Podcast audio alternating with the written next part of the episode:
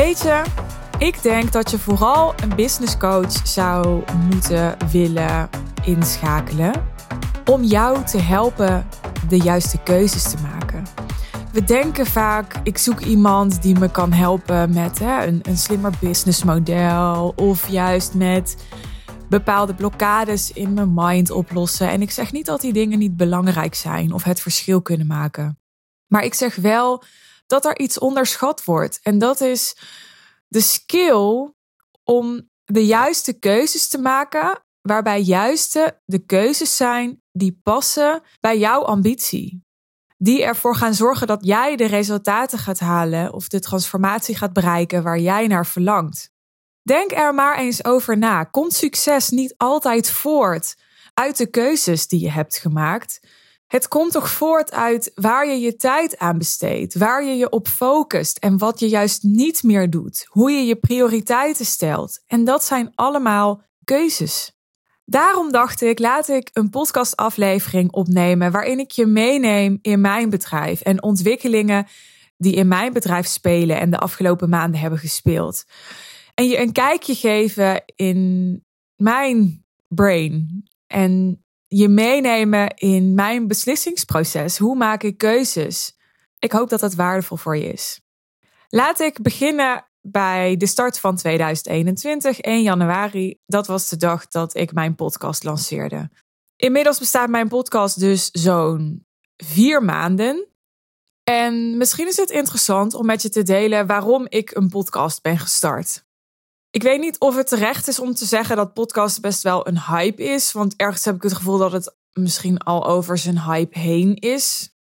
Ik luister zelf al jaren podcast. Dus ik denk niet dat je echt nog heel trendy bent als je nu een podcast begint.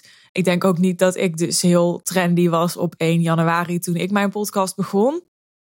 Maar het was niet vanuit een soort FOMO of vanuit een soort schaamte, omdat ik nog steeds geen podcast had, dat ik met mijn eigen podcast ben begonnen. Daar heb ik wel degelijk goed over nagedacht.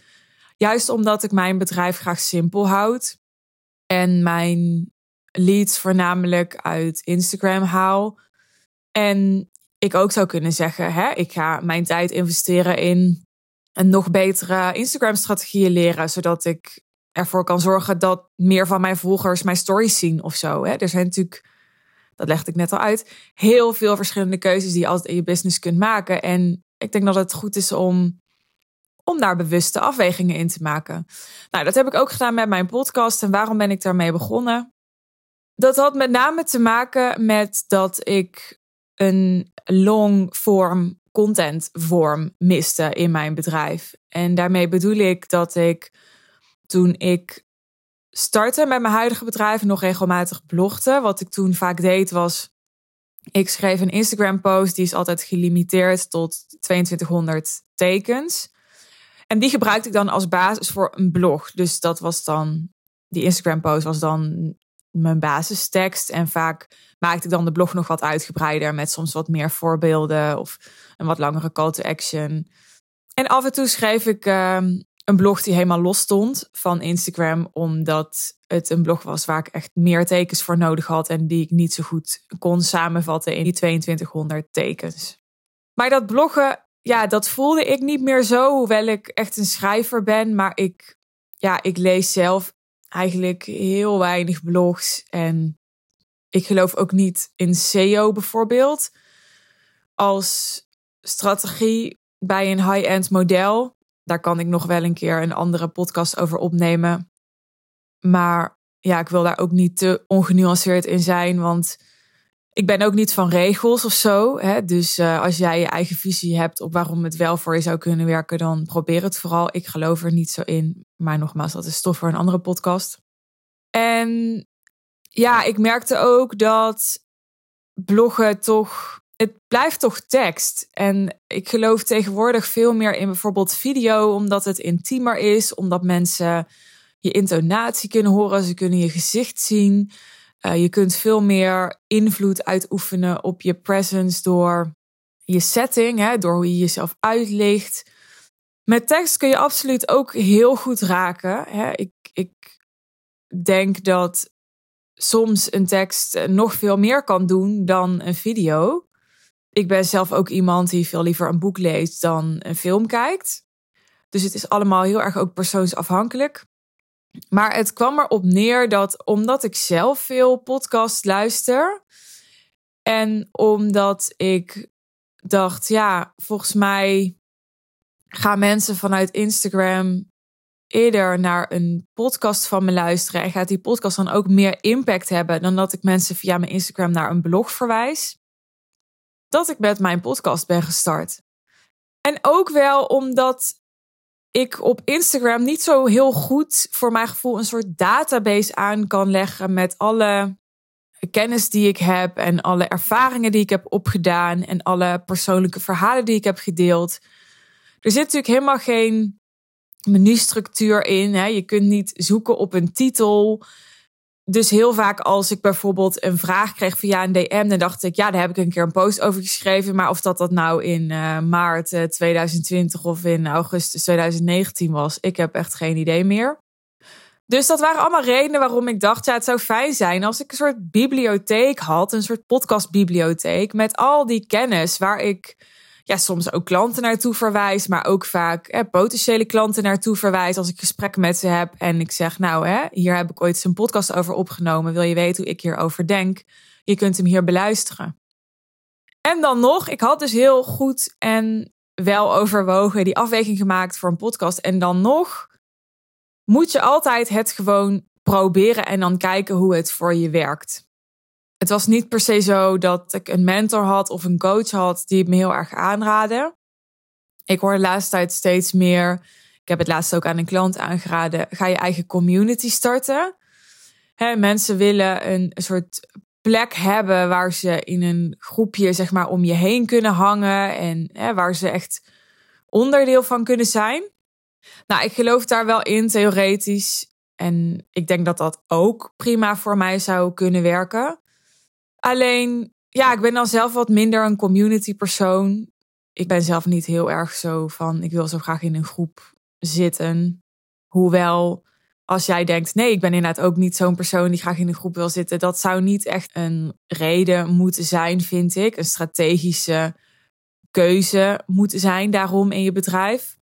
Ik bedoel, ik zou niet iets niet doen omdat ik zelf niet qua smaak daar heel erg van houd. Ik vind dan toch dat doorslaggevend moet zijn wat goed voor me werkt. Omdat ik ook weet, als het goed voor me werkt, dan ga ik daar uiteindelijk ook blij van worden. Want ik wil gewoon dat dingen werken in mijn bedrijf.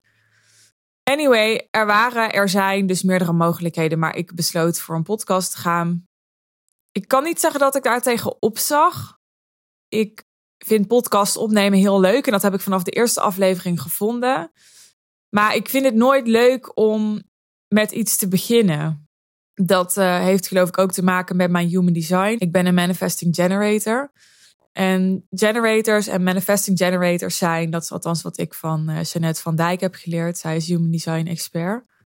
Zijn mensen die heel goed kunnen bouwen, die, die consistent iets langdurig vol kunnen houden. En dat is inderdaad ook waar ik goed in ben. Dus ik kan vrij goed dingen volhouden. Ik heb ook geen enkele moeite gehad om die afgelopen maanden consistent twee of drie keer per week iets op te nemen. En naar Matthijs, de editor, te sturen en dan uh, te publiceren. Het had ook vijf keer per week gekund als het uh, moest, bij wijze van spreken. Alleen beginnen met iets dat, um, dat is niet zo heel lekker, geloof ik, voor een manifesting generator. Dat is niet hoe ik het ervaar. Want de strategie van manifesting generators, waarin ze het best tot hun recht komen, is to respond. Dus ze hebben de neiging om in hun acties ergens op te reageren, ergens op in te springen.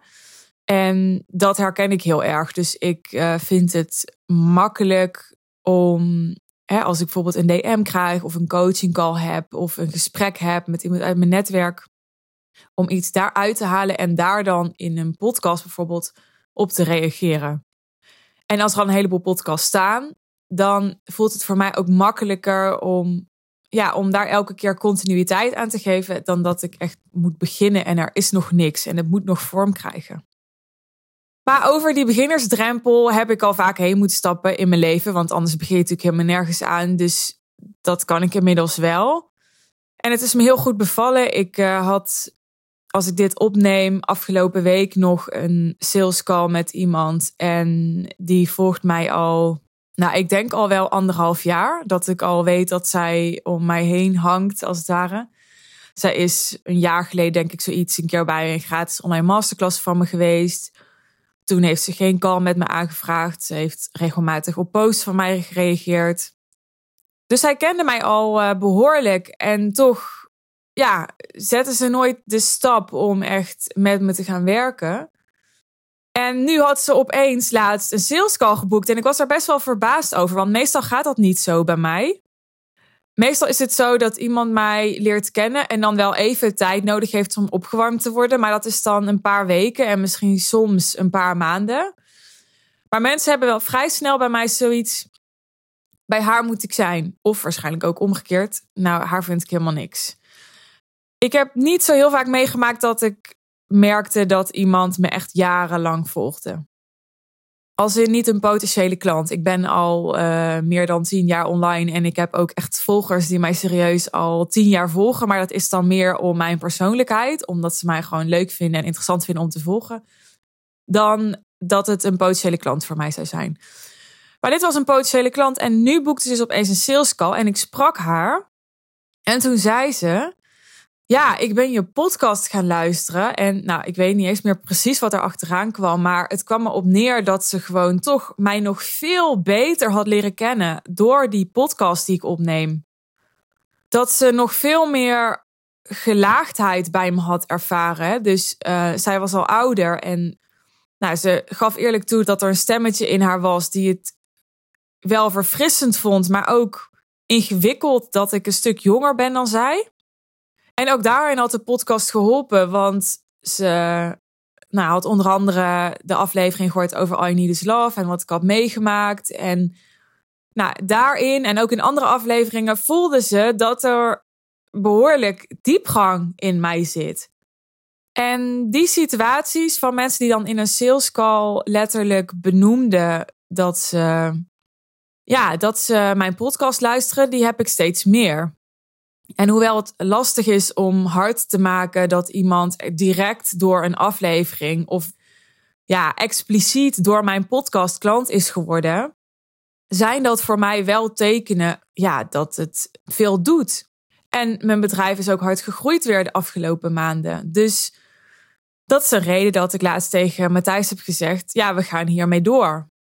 En ik wil dit uitbouwen. Ook omdat ik bijvoorbeeld geloof dat het in de toekomst voor nog veel media exposure kan zorgen. Bijvoorbeeld afgelopen maand ben ik voor het eerst gefeatured door de Linda. Zij hebben de podcastaflevering die ik opnam over All You Need Is Love, hebben ze gedeeld in een artikel.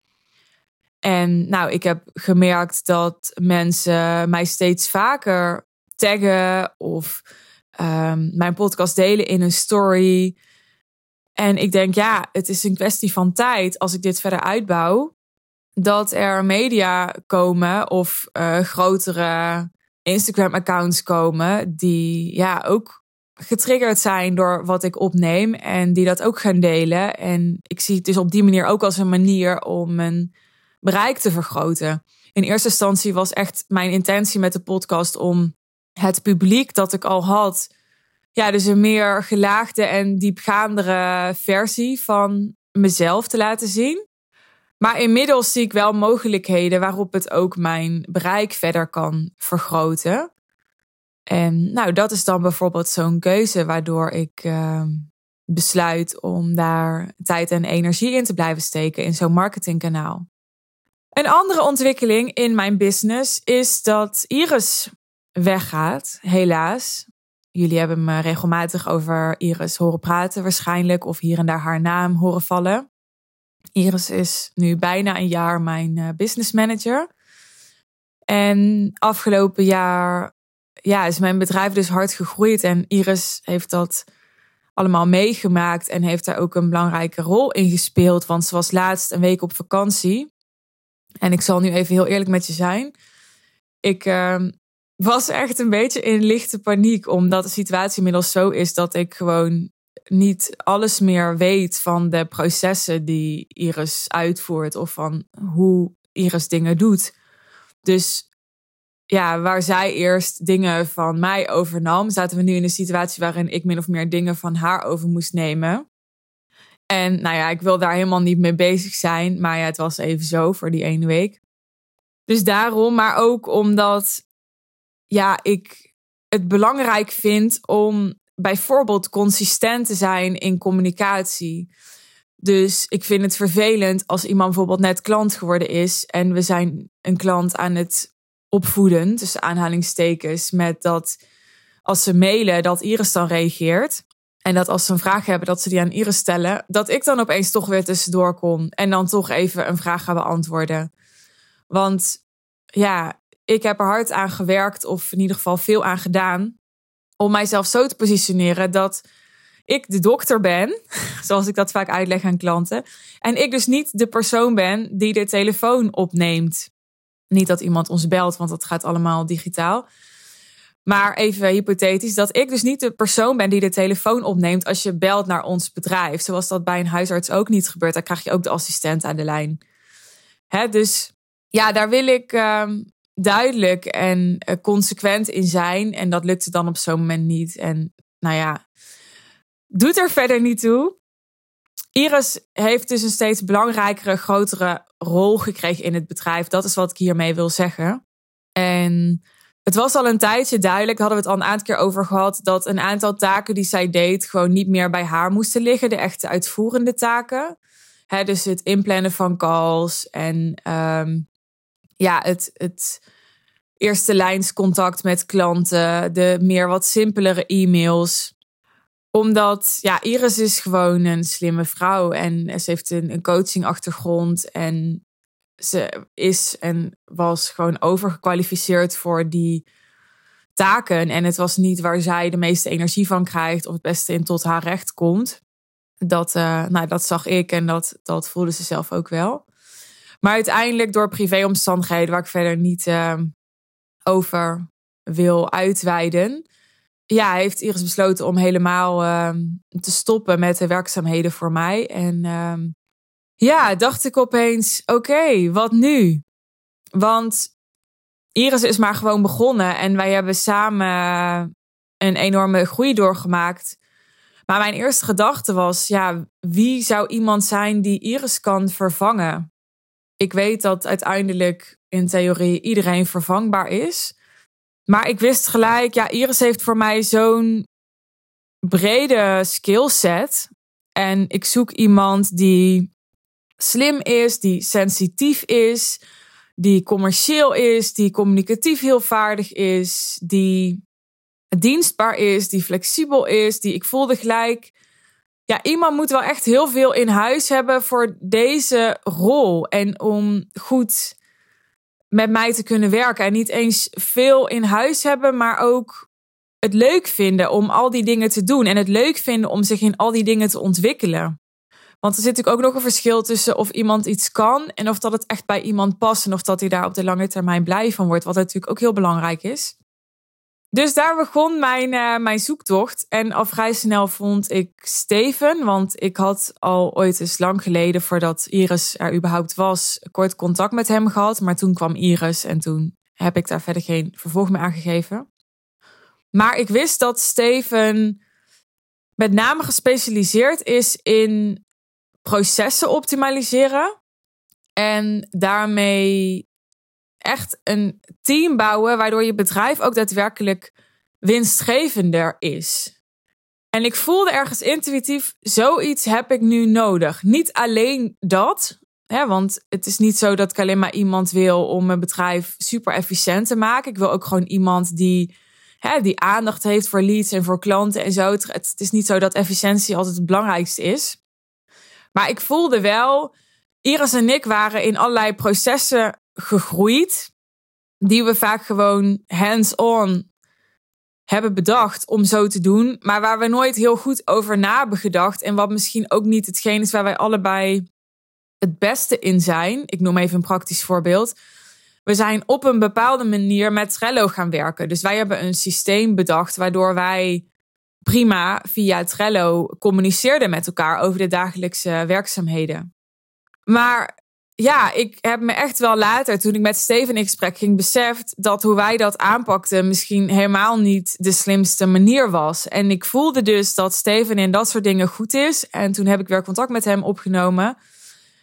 En ja, hij begon gelijk over dingen waarvan ik dacht, ja, dat moet ik hebben of dat vind ik belangrijk. Want waar ik ja, bang voor ben, wil ik niet zeggen, maar waar ik voor wil waken, is dat naarmate mijn bedrijf groeit, dat ik mijn business manager of mijn VA of mijn verschillende VA's steeds meer uren en taken en rollen ga geven, waardoor die kosten oplopen en oplopen. Dat is natuurlijk ook wat ik in mijn marketing altijd deel: van hou die teamkosten zo laag mogelijk. Creëer een bedrijf dat simpel is, waardoor je niet heel veel kosten hoeft te maken en dus ook niet heel veel teamkosten hoeft te maken. En dat is hoe ik het zelf ook wil, omdat ik gewoon weet en geloof dat dat kan. Het is heel makkelijk om werk te creëren en daar dan weer iemand op te zetten. Hè? Maar ik was dus met Steven in gesprek en Steven die stelde gelijk een vraag als: ja, binnen hoeveel tijd moet bij jullie hè, of in jouw bedrijf een e-mail worden beantwoord? Hè? En is het dan zo dat dat jullie het zo doen dat iemand bijvoorbeeld binnen vier uur altijd standaard een reactie krijgt. Maar als er nog niet binnen vier uur een inhoudelijk reactie kan worden gegeven, dat de reactie dan is: hè, we komen hier, ik zeg maar wat, binnen 48 uur bij op terug. Zij stelde allemaal vragen waarop ik alleen maar zei: ja, ehm, weet je, ik heb daar niet een, een stelregel voor. Ik heb dat gewoon aan Iris overgedragen in goed vertrouwen en wij communiceren daar veel over. En ik houd in de gaten dat er niet kansen worden misgelopen of mensen ontevreden zijn over dingen of verkeerde verwachtingen had bij, hadden bij dingen. En dat dan de ene keer een mail binnen tien uur wordt beantwoord en de andere keer binnen een uur. Ja, dat maakt me dan eerlijk gezegd niet zoveel uit. En dat is natuurlijk ook niet heel belangrijk. Zeker niet tot een bepaalde fase in je bedrijf. Maar waarover het mij aan het denken zette, is dat er niet heel duidelijke werkprocessen waren. dus heel veel van hoe we dingen aanpakken zat en zit in mijn hoofd en zat en zit in Iris haar hoofd. En waren dus dingen die we heel hands-on hadden bedacht, maar nooit heel goed over hadden nagedacht. Wat voor de korte termijn, als je hard groeit en even een praktische oplossing nodig hebt, niet heel erg is. Maar voor de lange termijn wil je natuurlijk wel dat als er vijf opties zijn, dat je dan niet het op de meest tijdrovende optie doet, maar op de meest efficiënte optie. Om dus die kosten te besparen, waar ik het net al over had. Dus Steven zette mij daarover aan het denken en gaf me ook gelijk het gevoel: ja, jou moet ik hebben voor dit stuk. dus hij kwam gelijk met ideeën om de communicatie efficiënter te doen, om processen slimmer in te richten. Van de week stuurde hij mij een bericht en zei: we gaan het zo doen dat als er in het vervolg hè, iemand iets van mij overneemt of iemand erbij komt, dat die ochtends start en smiddags productief is. Nou, dat klinkt mij als muziek in de oren, want er gaan nu echt letterlijk weken overheen voordat Steven ingewerkt is, omdat Iris dat allemaal nog handmatig in Zoom-calls en zo op Steven aan het overdragen is en aan hem aan het uitleggen is, wat natuurlijk heel veel tijd kost en ja, daarmee ook geld onder andere. Maar wat ook heel zwaar is, dat is mijn interpretatie, voor Steven. Want die krijgt een soort overwelm aan informatie op zich af. En die moet dat zelf allemaal nog gaan ordenen en rangschikken en zo. Dus ik ben heel blij dat hij dat nu veel beter gaat doen. Maar ik had ook bedacht toen ik dacht, ik ga met Steven werken. Er moet nog iemand anders bij komen. En niet omdat ik dus meer werk wil creëren of omdat ik ja, eh, mijn team graag wil uitbreiden. Maar wel omdat ik tijdens die week dat Iris op vakantie was, had gevoeld. Op een bepaalde manier ben ik heel afhankelijk van haar geworden. Zit er soms informatie in haar die ik niet eens weet. En als zij dus wegvalt, dan weet ik het dus niet. Terwijl het is mijn bedrijf en ik ben eindverantwoordelijk. Maar ook omdat ik zoiets had, ja, ik wil gewoon niet weer in de situatie komen dat als die persoon die Iris nu gaat vervangen weggaat, dat alles dan weer op mijn bordje komt. Hè? Dus ik wil dat er gewoon een paar mensen zijn, waardoor als iemand ziek is of op vakantie of er speelt iets anders, werk van elkaar overgenomen kan worden zonder dat het automatisch weer bij mij belandt. En ik dus weer hè, die persoon ben die de telefoon opneemt. Naast dat ik dit al bedacht had, dat ik de rol van Iris in tweeën wilde splitsen, voelde ik ook toen Steven erbij kwam. Oké, Steven is heel goed in het procesmatige. Hij kan goed schrijven, vind ik. Hij heeft veel ervaring met de online business. Hij heeft een heleboel echt belangrijke en waardevolle skills voor mijn bedrijf, waar ik echt heel veel aan kan en gaan hebben. Maar er zijn ook dingen die volgens mij beter bij iemand anders passen. Ik zag en zie Steven, en dat heb ik ook met hem besproken, echt als een back-end persoon. Dat is volgens mij waar hij zichzelf ook comfortabel bij voelt. Dus echt meer achter de schermen. Nou is het niet zo dat Iris iemand is die heel erg en heel graag op de voorgrond is. Tenminste, dat is nu even mijn, nou, hoe ik haar heb leren kennen. Ik wil niet voor haar praten. Maar Iris was wel iemand die bij mijn laatste tweedaagse was in januari. Die bij mijn event was op 18 maart. En mijn idee was, als Iris wel was gebleven, dat die front-end rol groter zou worden. Dus dat zij op het event minder nog bezig zou zijn in de toekomst met de organisatie. En meer bezig zou zijn met, met de klanten praten, uh, supporten in salesgesprekken. Ja, echt soort account management, relatiemanagement. Dus zorgen dat de klantenbinding goed is, zodat mensen ook willen verlengen. Gewoon waarborgen dat, ja, dat iedereen in zijn behoeftes wordt voorzien, dat soort dingen. En die rol, die, ja, die werd opeens weer onvervuld toen ik wist dat Iris niet zou blijven. Dus dat is een rol waar ik nu met Steven uh, iemand voor aan het selecteren ben. Dus iemand die, ik heb het even zo bedacht. Ik zal met je delen hoe.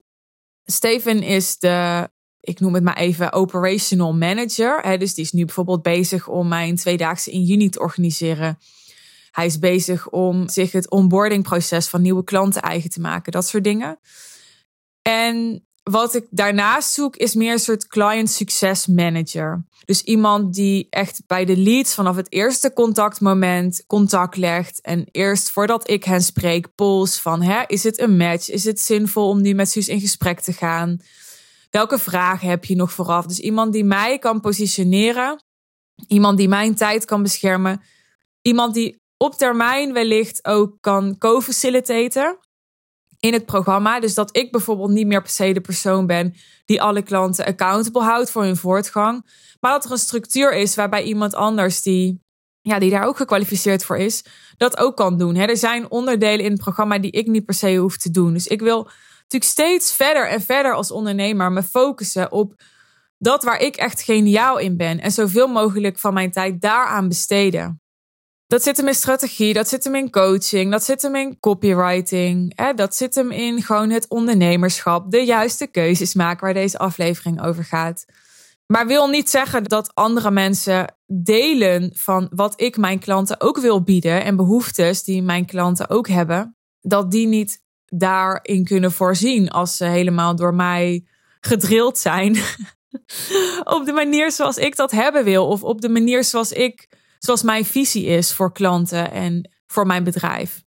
Dat is de ontwikkeling 2, de ontwikkeling van het team. Nou, er zijn nog veel meer ontwikkelingen. Bijvoorbeeld dat mijn event op 18 maart heel succesvol was. Ik heb daar ook een podcast over opgenomen. Dat ik in maart mijn hoogste omzet ooit haalde. Er zijn uiteindelijk vijf nieuwe klanten uit dat uh, event gekomen. Nou, de investering om nu met mij te werken is vanaf 20.000 euro ongeveer. Dus ja, dat was een mooi piekmoment voor mij. En dat wil ik graag gaan herhalen en gaan optimaliseren. Dat heb ik nu één keer gedaan. Dat kan ik nog een keer doen en dan hè, beter proberen te doen. Ik moet wel zeggen, terwijl ik dit zeg, dan denk ik echt... Fuck, vind ik echt wel spannend om elke keer mezelf te moeten overtreffen of zo. Want we hebben echt heel erg ons best gedaan tijdens het laatste event. En Iris ook vooral. Die gaat nu weg. Dus dat vind ik allemaal best wel heel spannend. Maar ik weet dat ik dit kan. Hè? En ik weet dat we het gaan doen. Dus, en ik heb nog tijd. Want in oktober is het volgende event. In oktober is het volgende event. Dus als je dit luistert en je wilt erbij zijn. Je moet er echt bij zijn. Dan beloof ik dat ik mezelf ga overtreffen. dan ga even naar de link in de omschrijving. Daar kun je je early bird ticket scoren. Dan kun je nu alvast de datum vrijhouden en zo. En er is al een hele wachtlijst ook. Dus um, Als je zeker wilt zijn van een ticket, omdat het kleinschalig is, dan uh, score gewoon nu meteen je ticket. Tot zover de commercial break. Ik wil dus het event van maart nog een keer gaan herhalen, maar dan beter. Een aantal maanden geleden was nog mijn idee om in september een VIP-dag te gaan doen. En dan in november weer een wat groter event. Een VIP-dag zie ik meer echt als een dag persoonlijke coaching door mij en persoonlijk advies. Dus een dag onder mijn begeleiding aan je bedrijf werken en de juiste keuzes maken die voor een doorbraak zorgen. Bij het event zit er veel meer kennisoverdracht bij en is het veel meer over dit is mijn visie, dit is een slimme strategie voor je, dit is wat je nodig hebt om dit en dit resultaat te gaan behalen. Dus dat is voor mij het verschil. En de VIP-dag is ook kleinschaliger, dus dat deed ik steeds met maximaal vijf mensen. Zo heb ik het vorig jaar gedaan. Dus vorig jaar in 2020 had ik Zeg ik dat goed? Ja, had ik twee keer een VIP-dag van eh, max vijf mensen. En ik heb twee keer mijn event gedaan, waarvan één via een livestream, omdat dat toen uh, moest door corona. En mijn idee was, nou, dat ga ik dit jaar weer doen. Lekker overzichtelijk. Dus ik begin met een VIP-dag, dan mijn event. Dan heb je zomer, dan na de zomer weer een VIP-dag. En dan vlak voordat de winter begint weer een event.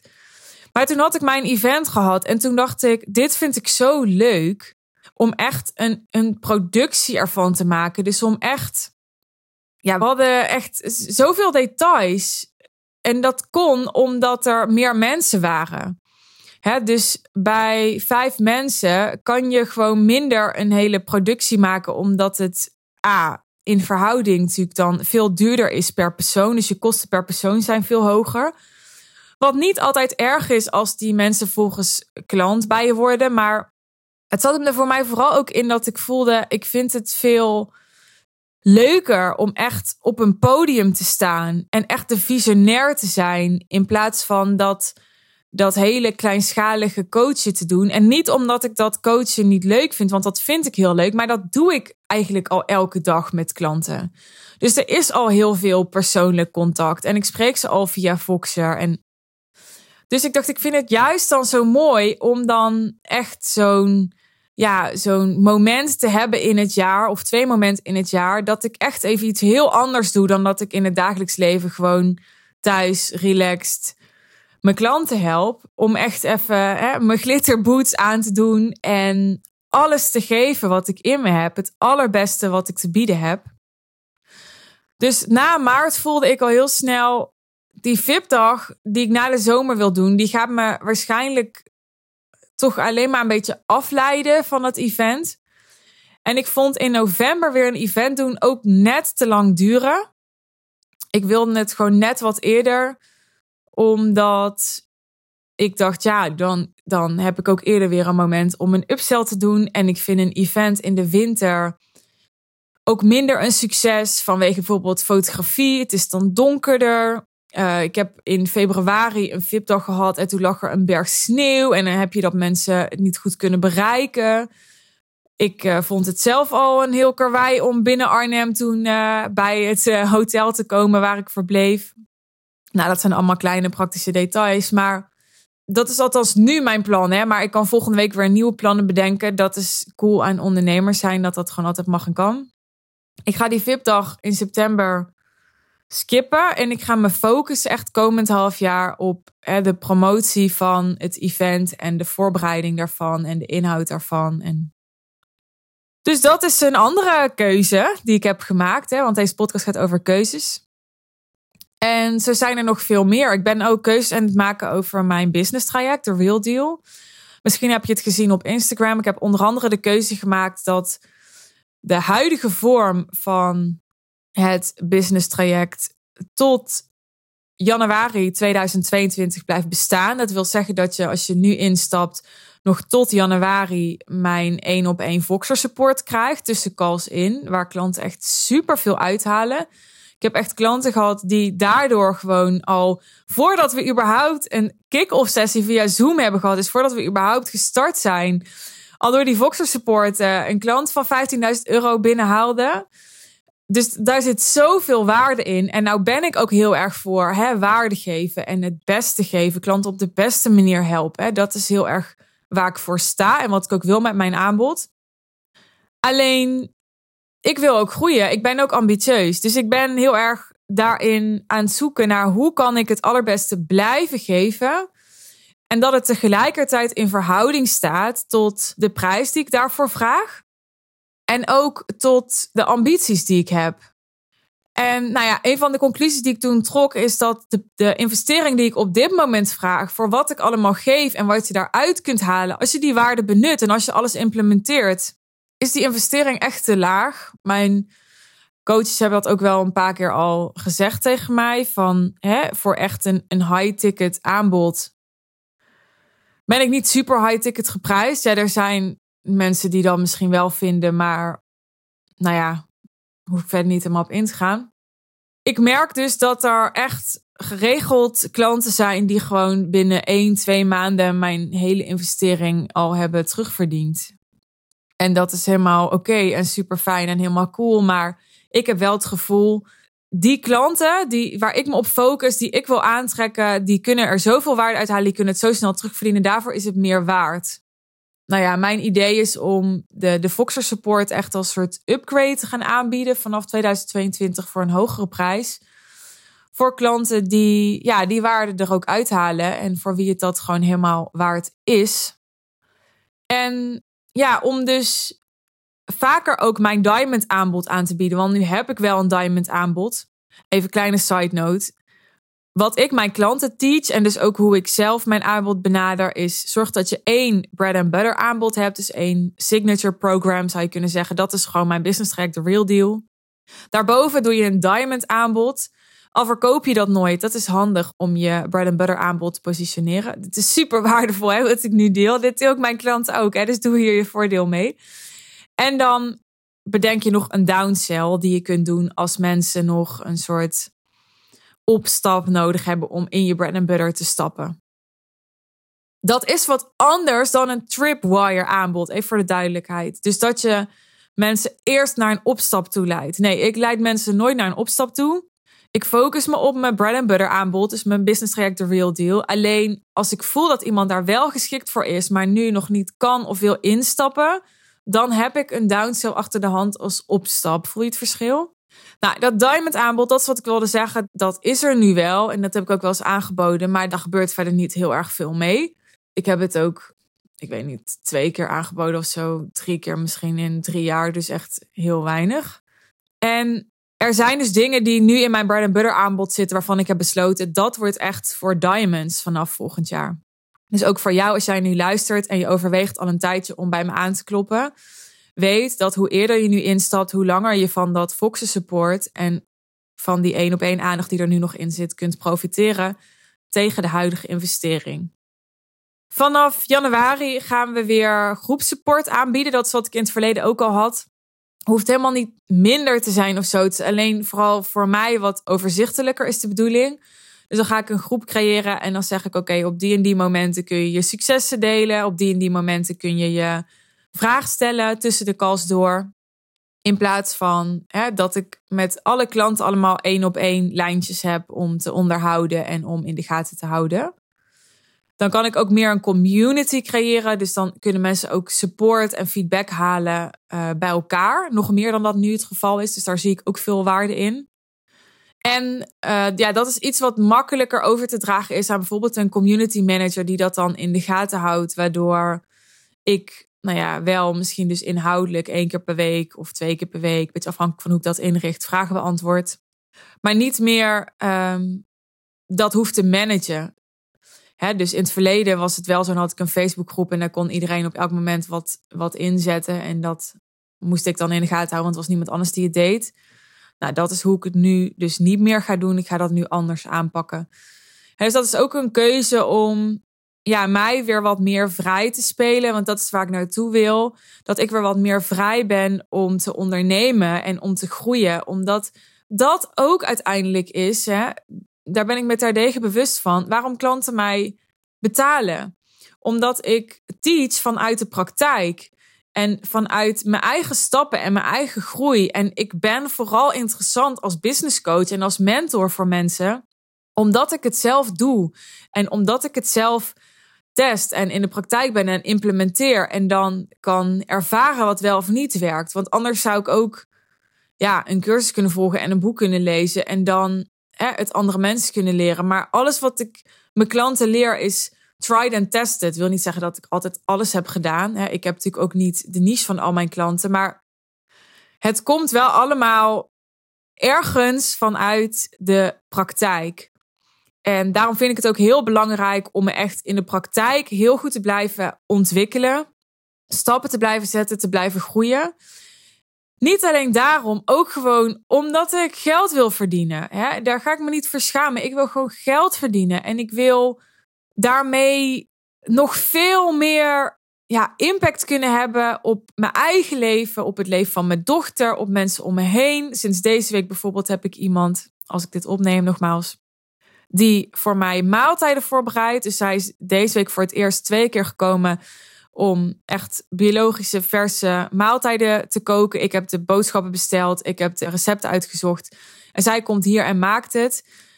Dat geeft me ook weer ruimte. Hè? Dus het is niet zo dat ik zit te snijden in mijn business traject alleen. Zeker niet. Nee, ik probeer echt te kijken naar hoe kan ik mijn tijd zo productief en zo liefdevol en zo efficiënt. En soms ook totaal niet efficiënt, maar gewoon fun mogelijk besteden. Zodat ik als mens en als ondernemer het beste tot mijn recht kom. Omdat ik dan het meest te geven heb aan de wereld. Omdat ik dan zo'n vrouw kan inschakelen en kan betalen die hier komt koken. Omdat ik dan een huis kan kopen, hè, wat ik net heb gedaan, omdat mijn relatie niet meer liep. Hè, waardoor ik ja, bijvoorbeeld meer rust voor mijn dochter kan creëren. Dus geld verdienen, dat zal altijd voor mij een drive blijven. Omdat er nog zoveel is waar ik geld aan zou willen besteden. Omdat er nog zoveel wensen en dromen zijn. Hè, omdat ik nog een boek wil schrijven en een sabbatical wil nemen op een dag. En omdat ik daar dan tijd en ruimte voor wil hebben, omdat er geld is. En zo kan ik nog wel nou ja, een half uur doorgaan over waarom geld belangrijk is voor mij. Dus ja, daar wil ik ook transparant en eerlijk over zijn. Gek eigenlijk, hè? Dat als ik dit zo deel, dat dan ik dit toch een beetje aan het verantwoorden ben of zo. Heb je dat gevoel ook? Dat gevoel heb ik zelf. Zo gek dat we bepaalde keuzes, hè, voor mij is het misschien dan geld verdienen nu even, want dat heb ik ook niet altijd. Voor een ander is het misschien Dat hij niet meer werkt en thuis bij de kinderen blijft, maar dat we zo onze keuzes nog gaan zitten verantwoorden. Dat is ook nog een doel van mij hoor, om, om echt nog veel schaamtelozer te zijn. Ik denk dat ik al behoorlijk schaamteloos ben, maar op een schaal van 0 tot 100 zit ik misschien op 80. Dus er is nog wel winst te behalen. Maar goed, nu dwaal ik af. Dit waren zo een aantal uh, belangrijke keuzes en ontwikkelingen in mijn business. En zo zijn er nog veel en veel meer. Mijn business is super dynamisch afgelopen half jaar. Ik heb heel veel keuzes en afwegingen gemaakt, heel veel uitdagingen gehad. En ik vind het super, super leuk. Ik heb echt het gevoel, oké, dat begin, dat heb ik nu wel gemaakt. En nu is het voor het echi. Zo voelt het de laatste maanden heel erg. Nu is het voor het echi, weet je wel. Nu gaan we echt soort van cashflow plannen maken en zo. En nu gaat het niet meer om alleen maar het basale. Oké, hoe krijg ik hè, de klanten waardoor ik lekker kan verdienen. Maar nu voelt het echt als een onderneming.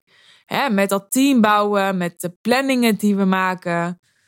En tegelijkertijd is het dus nog steeds heel simpel. Is het op dit moment alleen mij, Steven en Iris die dan Steven nu inwerkt. Casper heeft ook een stap terug gedaan. Casper deed alle technische dingen en design dingen voor mij. Die gaat Steven ook van Casper overnemen. Ik ben nog steeds die de klanten bedient. Er is nog steeds eigenlijk één bread and butter aanbod. Dat is dus de real deal. Dus het is nog steeds heel simpel en toch een echt bedrijf. En dat is voor mij echt ultiem. Dat vind ik echt fantastisch. Want ik word wel intellectueel uitgedaagd, maar ik bezwijk niet onder het gedoe. En ik kan nog steeds heel winstgevend zijn. En dat, uh, ja, dat is waar ik het voor doe.